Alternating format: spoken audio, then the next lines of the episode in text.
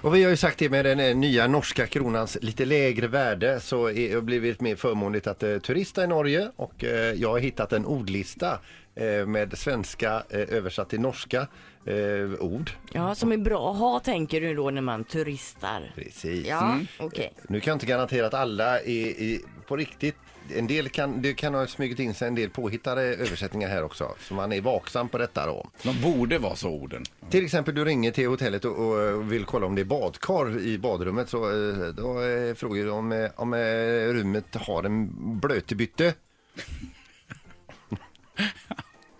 Du vill läsa en bok och handla en sådan, då går du till, eh, till eh, affären så att säga, en bladsamling. Ja, eh, och så, du kanske har tappat ett glas på ditt rum och så vidare så be, ni behöver en, en dammsugare, kan inte vänta till det blir städat, du måste bli av med glaset på golvet. Då ringer ni till receptionen och säger vi tränger en lorteslurper. Vad är det? Dammsugare? ja, visst. Lortoslurper? Eh, d- dubbdäck är ju förbjudet i Oslo, är det inte det? Eller är det Jo. hela Norge? Jag tror det är hela Norge. Piggdäck. Mm. Men Piggdäck alltså, ja. det, det kan väl inte vara förbjudet med piggdäck i hela Norge? Det må det vara. Du får ha snö... Jag vet inte vad snökedjor Nej heter på men norska, herregud, det är ju liksom värsta vinterlandskapet uppe Ja, i men det Norge. är snökedjor som gäller. Hallå, jag är inte klar. Eh, de spränger ju Ullared och eh, det kanske de använder Spränger de Ullared? Ja, norrmännen alltså.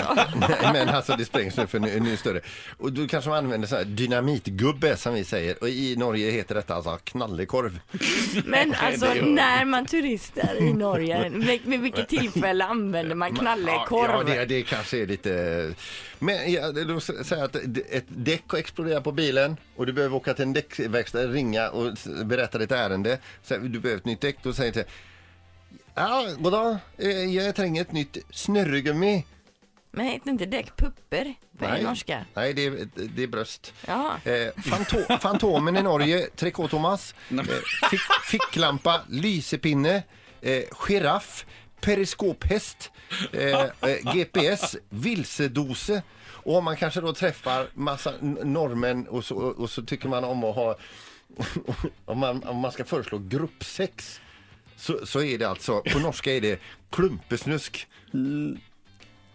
Ja, men det kan ju Det är vara bra om man, jättebra att åker, veta. om man åker och semestrar i Hemsedal till exempel. Det var bara en del av allt det jag Är hade det här. någon som vill testa klumpesnus? Klumpsex! Ja, man ser det. Jag ser att det Hörde sitter... Eh, jag, hörde jag klumpesex? Ett poddtips från Podplay.